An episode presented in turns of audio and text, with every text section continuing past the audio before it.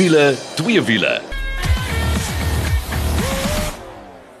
Nou kyk as jy daai klanke hoor, weet jy dis tyd vir wiele twee wiele en ek is Janet en saam met my is Kaal. Hallo liefie. Hallo, altyd lekker om saam met jou te kuier en uh, op lekker propvol program. Ek weet jy was by 'n bekendstelling van 'n legende. Absoluut. Ons is op 'n klein Karoo avontuur met die Toyota Fortuner en dis die 2023 model. So waarna kan jy uitsien? Dis hierdie Karoo avontuur wat ek beleef het, maar dan is daar nog 'n Karoo avontuur en ons gaan ook gesels met Anay Albertse en sy was weer saam met Kia op 'n Seltos ons avontuur in 'n ander gedeelte van die Karoo. Dan gaan Kaal bietjie fokus en ons gaan kyk na wie is die finaliste vir hierdie jaar se kar van die jaar kompetisie. Ons gaan ook bietjie motorsport gesels. Daar's opwinding, maar ook hartseer. En dan gaan Nikkel vir ons vertel hoe gaan dit met sy Ducati 1090 uit wat nou uit die hospitaal uit is. Maar ons spring weg. Kaal, die klein Karoo heng Ons land het daar fantastiese plekke wat jy kan beleef en ervaar. En ons het nou die nuwe 2023 Toyota Fortuner ervaar. Nou ek praat van plekke soos die Swartbergpas, Man Prins Albert, jy het Meyringspoort, daar's so 'n pragtige grondpaadjie wat jy ry tussen Uniondale en George. Hierdie plekke het letterlik my asem weggeslaan. Ek het byvoorbeeld die Swartbergpas nog nooit beleef nie. Hy's in die 1800s gebou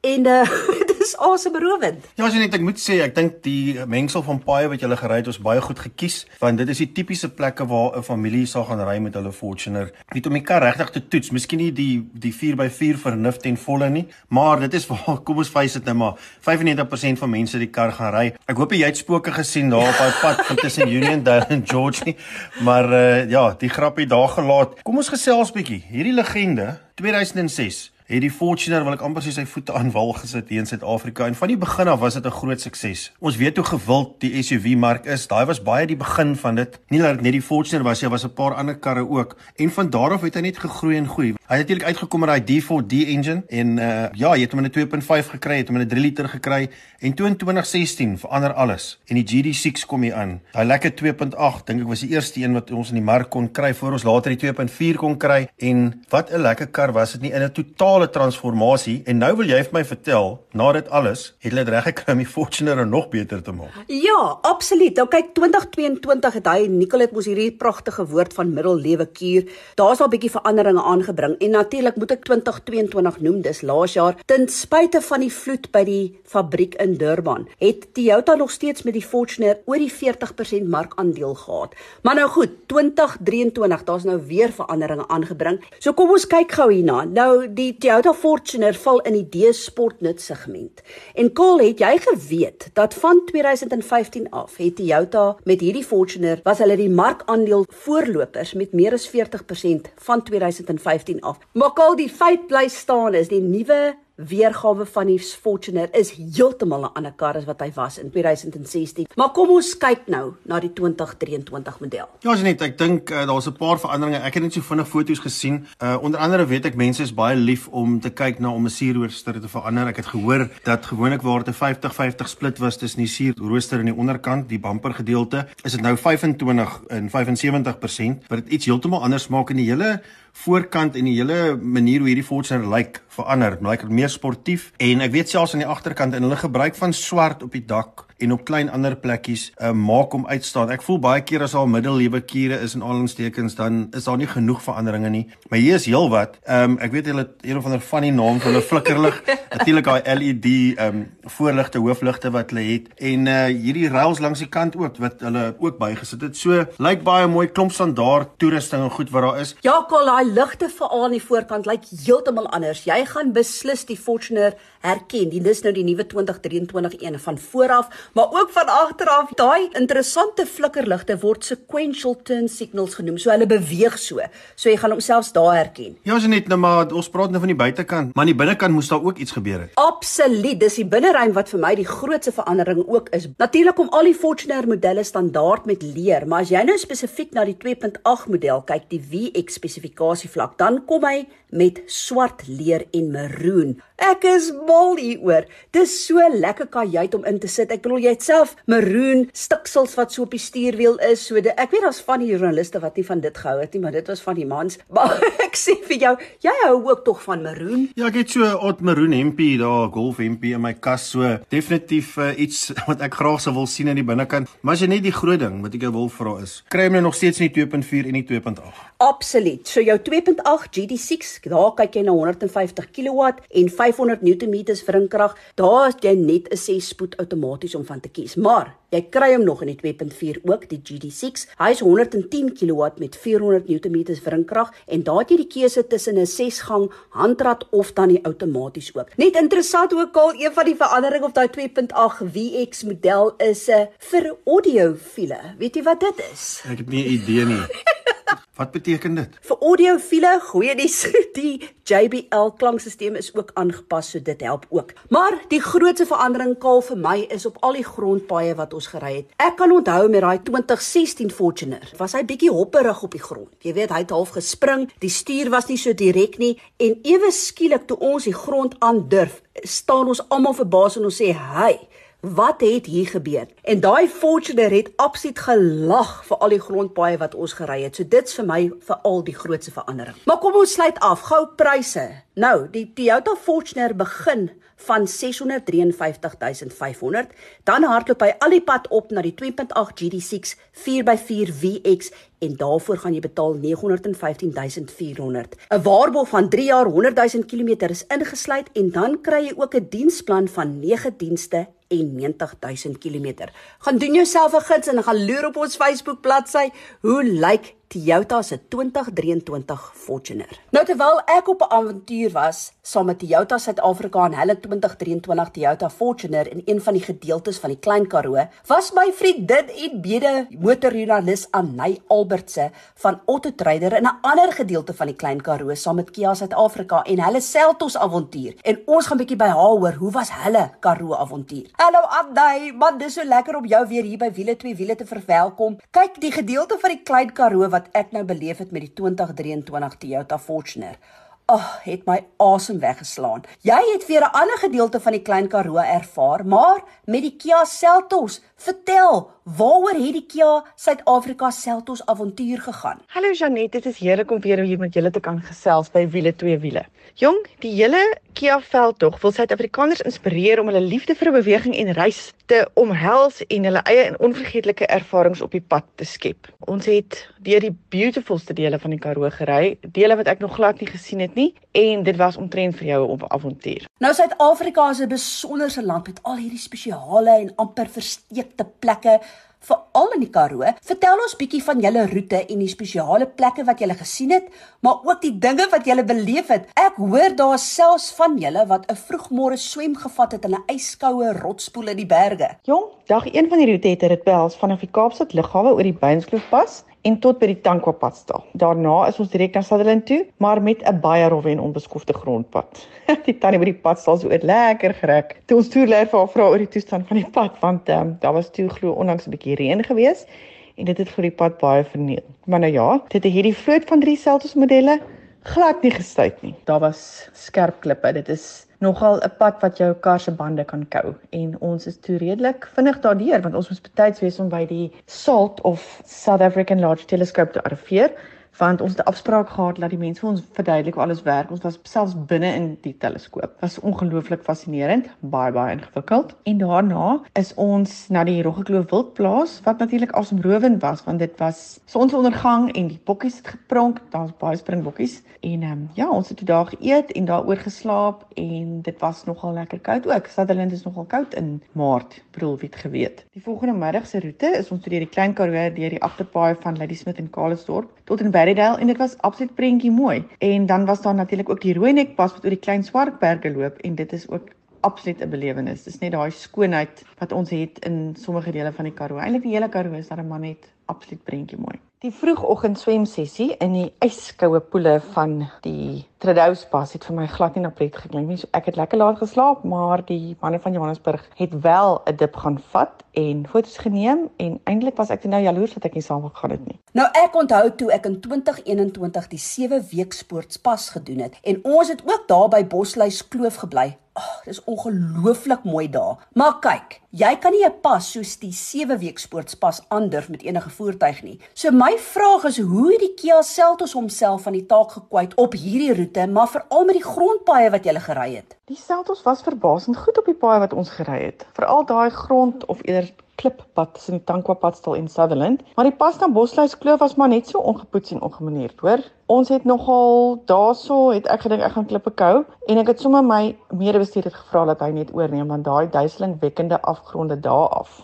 was verskriklik erg op my senuwees. En ehm um, ek moet ook noem, ons het standaard 16 duim highway terrein bande op ons karre gehad. So presies soos van die fabriek afkom. Die ritgehalte van die Seltos is topklas. En natuurlik help dit ook dat hy vastrap beheer het, dat jy te alle tye in beheer van die voertuig bly. En 'n mens dink regtig nie dat jy daar gaan kan ry met 'n doodgewone sagte sportnutsvoertuig wat jy eintlik net bestuur skool toe en miskien nou en dan 'n sypaadjie klim nie. Mense dink nog gewoonlik hulle moet 'n groot 4x4 of 'n vorm van 'n bakkie aanskaf as hulle sulke avonture wil beleef, maar die Seltos het vir ons gewys dat dit glad nie die geval is nie. Nog kenmerke wat die Seltos lekker maak, is die gemaklike sitplekke, maar daar is baie geriefstoerusting aan boord en baie spasie op die agterbank en in die kattebank. Ons was met die terugkomslag 3 joernaliste in een kar en selfs met al ons bagasie in sy ons vraggies nog 'n sak of 'n tas kon inpas daarson. Dis definitief een van die ruimer motors in die segment en as mense wil ver ry, wil mense natuurlik 'n dieseltjie hê.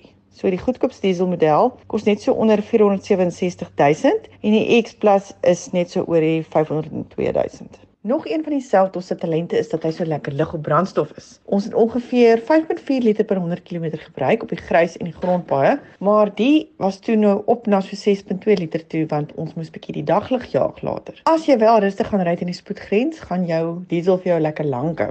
Wys jou net aan hy mens dink altyd jy het 'n harde 4x4 nodig om op al hierdie ongelooflike avonture te gaan, maar kyk nou net hoe hierdie Kia Seltos julle gevat na hierdie vergeleë spesiale plek in die Karoo. Karoo. Om af te sluit, wat was jou hoogtepunt van hierdie ongelooflike Kia Suid-Afrika Seltos avontuur? Janet, dis 'n baie moeilike vraag want dit was twee wonderlike dae waarin ons baie gesien en beleef het. Maar ek sou sê dit was die roete en die padreis self was vir my die hoogtepunt. Die Karoo is so pragtig. Daai skoonheid laat jou net plek plek na jou asem snak. Jy jy sien een pragtige toneel en as jy weer oor die volgende bult ry, is dan weer net iets en dit is so uiteenlopend. By elke plek waar jy stop, is jy bewus van daai stilte en vrede rondom jou. Kyk na die twee dae waar ek sommer net ook in my eie kar klim met my bagasie en my man en my kinders net om hierdie pragtige Karoo weer van voor af te ondervind met die mense wie ek lief is. Maar dit was fantastiese twee dae gewees en die Seltos het hom uitstekend van sy taak gekwyt. Dankie Anay en dankie dat jy jou Karoo avontuur met ons gedeel het.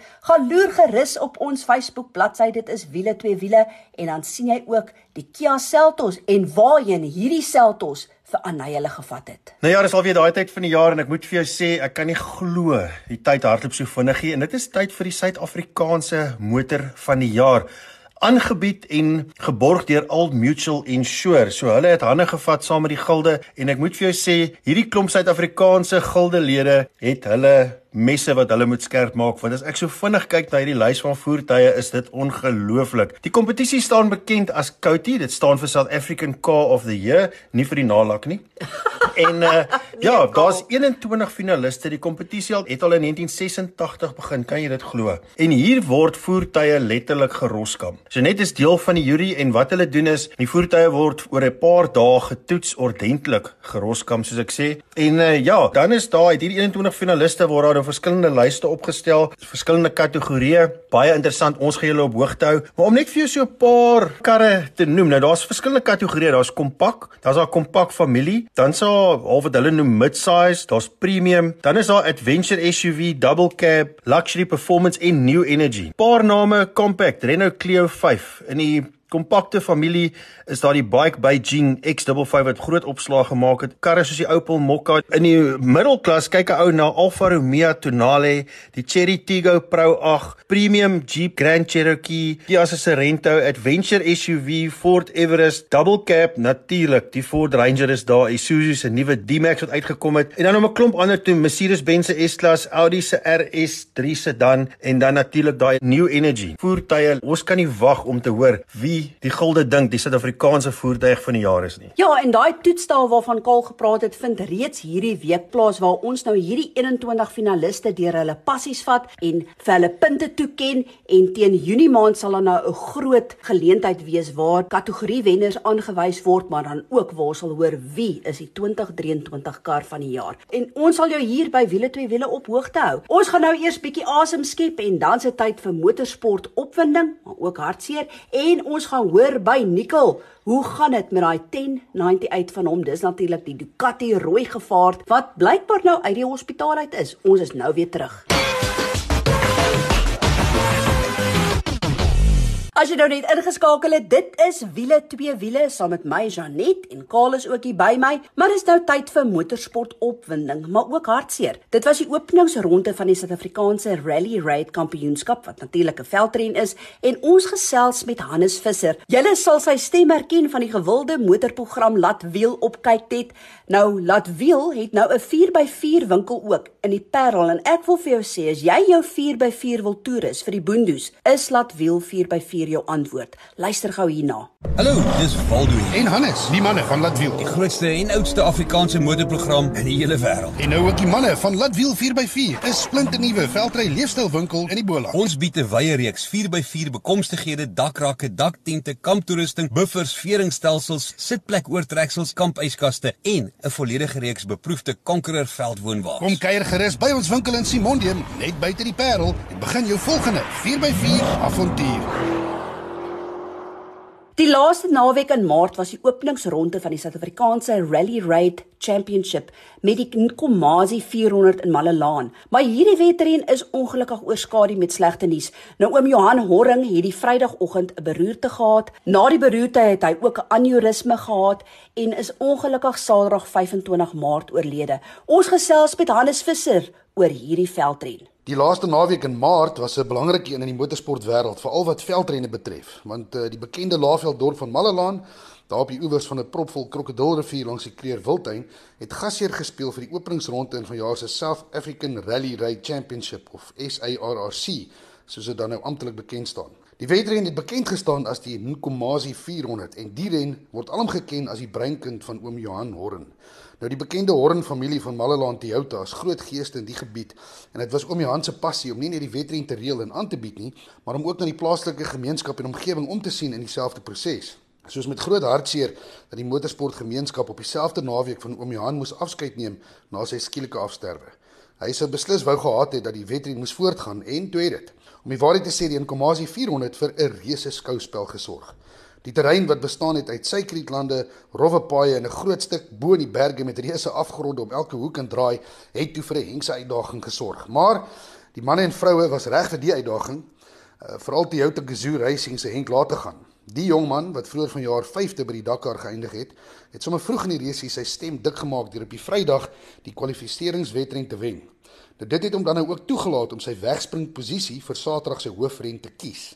Nou gewoonlik sal 'n mens kies om so 'n 4de of dalk 5de weg te spring, bloot sodat daar dan 'n paar spore is wat jy kan volg. Maar met die stof wat dig in die suikerrietlande se hang, het later gaan besluit hy tackle sommer die bil by die horings. Hy het gekies om eerste weg te spring en wanneer die man eers op spoed is, is al min of uh eintlik amper maar niemand wat hom kan vang nie. Sy spanmaat, die bekroonde Geneelde Villiers het wel probeer, Maar hy het vroeg in die ren tydens onder onsie met 'n tarantaal sy windskerm verloor en as mense lekker kan sien nie, want jy seker nie lekker voluit jaag nie. Nou die bitter tweestryd tussen Toyota en Ford het ook oudergewoonte weer plaasgevind met die twee Woolwich broers, dis nou Lance en Gareth wat verlaat te gaan probeer jaag het. Die man is ook blitsvinnig, maar ongelukkig vir ouer broer Lance het 'n pyp onder die engine cap afgekom en toe die vloeistowwe aan die warm uitlaatpyp raak, het dit aan die brand gesteek. Lance het betyds met 'n brandblusser onder die engine cap ingeklim en kon wel daarin slaag om die vuur te blus maar die man moes daarna hospitaal toe nadat hy te veel koolstofdioksied ingeasem het. Gelukkig is hy daarom op dieselfde dag uitgelaat en het hy volkome herstel. En met hulle pa wat in daardie stadium nog ook in die hospitaal was, het die plaaslike Hornbroers Johan en Werner nie aan hulle tuisrein deelgeneem nie. Ek dink hulle sou dalk self 'n ding of twee kon doen in hul agterplaas en ons almal wens hulle baie sterkte toe vir die tyd wat nog vir hulle voorlê. Maar toe die geryte vlag gewaai is, was dit later gaan in mediaar Brett Cunnings met hul eerste oorwinning van 2023. Gareth Woolwich het hard probeer, maar hy moes met die tweede plek tevrede wees terwyl De Villiers die laaste trappie op die podium vir homself kon losjaag en dit op sy 51ste verjaarsdag. Nou dit was alles in die Premier Klas T1+. Dis nou vir die bakkies met die groot wiele. In klas T1 het Johan de Bruin en Gerard Skutte daarin geslaag om 'n goeie oorwinning te behaal in hul Redline Revo. So ja, dit was al die hartseer en opwinding van die Nkomazi 400. Volgende op die kalender is dit die bekende en soms berugte Sugarbelt 400 in die suikerrietlande van Eston in Natal daar naby Pietermaritzburg. Dis die Woolridges in Fort se agterplaas. So dit gaan interessant wees om te sien of hulle dan verlate gaan kan stop. Hannes, baie dankie vir hierdie Komasie veldren verslag en ons gebede is ook met die Horring familie in hierdie moeilike tyd wat hulle deurgaan. Nou nou is dit uit vir twee wiele en ek moet sê Nicole se Ducati 1090 uit is nou uit uh, die intensiewe eenheid uit en uh, dit sal lekker wees om 'n bietjie te hoor wat daar gebeur het. Maar voor ons luister, hoe gaan dit met jou Ducati 1090 uit Nicole? Gee ons so 'n bietjie agtergrond van Ducati in die laat 90s en begin 2000s. Wiele twee wiele span. Ducati is natuurlik 'n ikoniese naam as dit kom by motorfietsse en veral by superfietsse. As ons nou kyk in die laat 90s en die begin 2000s, dit was natuurlik die gloriejare van Ducati in World Superbikes. Wie sal ooit vergeet daai Ducati 916, 996, 998 en name soos Carl Fogarty? En ek wil sommer begin om weg te spring met daai motorfietsse wat ek nou genoem het. Vir my persoonlik dink ek is een van die mooiste motorfietsontwerpe van alle tye. En as ons gaan kyk na die Italiaanse ontwerper van daai tyd, Massimo Tamburini, het hy 'n uitstekende werk gedoen met daai Ducati en ehm um, van selfs vandag nog, dit is net een van die mooiste vorms. Toe kry ons die Ducati 999 en toevallig is daar Suid-Afrikaanse geur daarin want Pieter Blans het daai motorfiets ontwerp. Maar laat ons nou maar vir mekaar sê daai ontwerp het die wenkbroue laat lig want dit was totaal iets anders as die Tamburini era. Eerstens as jy kyk van voor af op daai motorfiets was die ligte nou bo op mekaar en nie meer langs mekaar nie. Daai enkel single swing arm agter het verdwyn en dit het 'n konvensionele swing arm agter geraak. Nog steeds 'n baie mooi motorfiets, maar die mense het nie so mal daaroor gewees nie. Nog steeds goed gevaar in die resies, maar ek moet vir jou sê almal het gewag vir die volgende ontwerp. En vir die volgende motorfiets ontwerp, dis wat ons kom by die Ducati 1090 uit was by John Ray Fabro het daai motorfiets ontwerp en eh, die teiken wat hy gehad het is daai Tamburini reeks motorfietsse. So as jy gaan kyk na Bugatti 1090 uit se ontwerp, dan lyk dit baie meer na daai 916 998 998 era as natuurlik die 999 era. So nog steeds 'n ongelooflike mooi motorfiets. Ek dink hy is selfs 'n bietjie mooier dan nou as die 999 wat hy vervang het. Hoorie Nicole, maar die Ducati 1090 uit het mos ook naam gemaak in die wêreld supermotorfietskampioenskap. Vertel 'n bietjie. Ja, dit net baie interessant. Aan die laat 90s het Ducati dit reg gekry om te mag gery het met amper 'n 1000 cc V-twin engine teen die Japaneese fietsse se inlyn 4 silinders wat dan net 750 cc mag gewees het. So die Japaneese was nou baie kwaad geweest want jou Suzuki se GSX-R, jou Honda se RC45, jou ZX7R Kawasaki, hulle almal was 750 en hulle kon net nie soveel krag maak soos 'n 1000 cc V-twin nie. So vroeg in die 2000s het uh, die World Superbikes dan nou 1000 cc inlyn 4 silinder engines toegelaat En toe het Bugatti baie swaar begin kry. Hulle het selfs die inlyn 4-silinder se krag bietjie probeer beperk, maar dit het nie goed gewerk nie. Toe Bugatti gegaan en gesê, "Maar wel, dan soek ons 'n groter V-twin."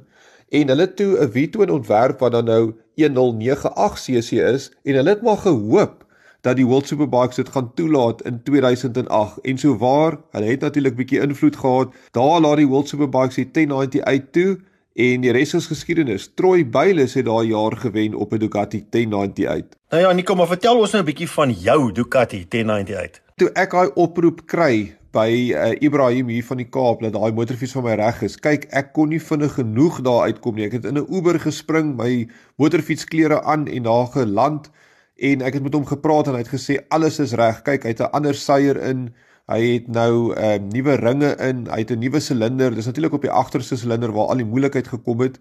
En hy sê toe vir my, luister as ek nou 'n bietjie hier wegry, moet ek maar versigtig ry. Dit was 'n ander motorfiets nou. En uh ek moet hom 'n bietjie kans gee om in te loop en so aan. Ek moet sê toe ek daai starterknopie druk, toe kon ek sommer hoor jy jy hier is nou iets anders. Hy loop glad, hy ref op en uh so gepraat van ref. Ek moet net gou vir julle laat hoor hoe hy klink. Luister gou hierso.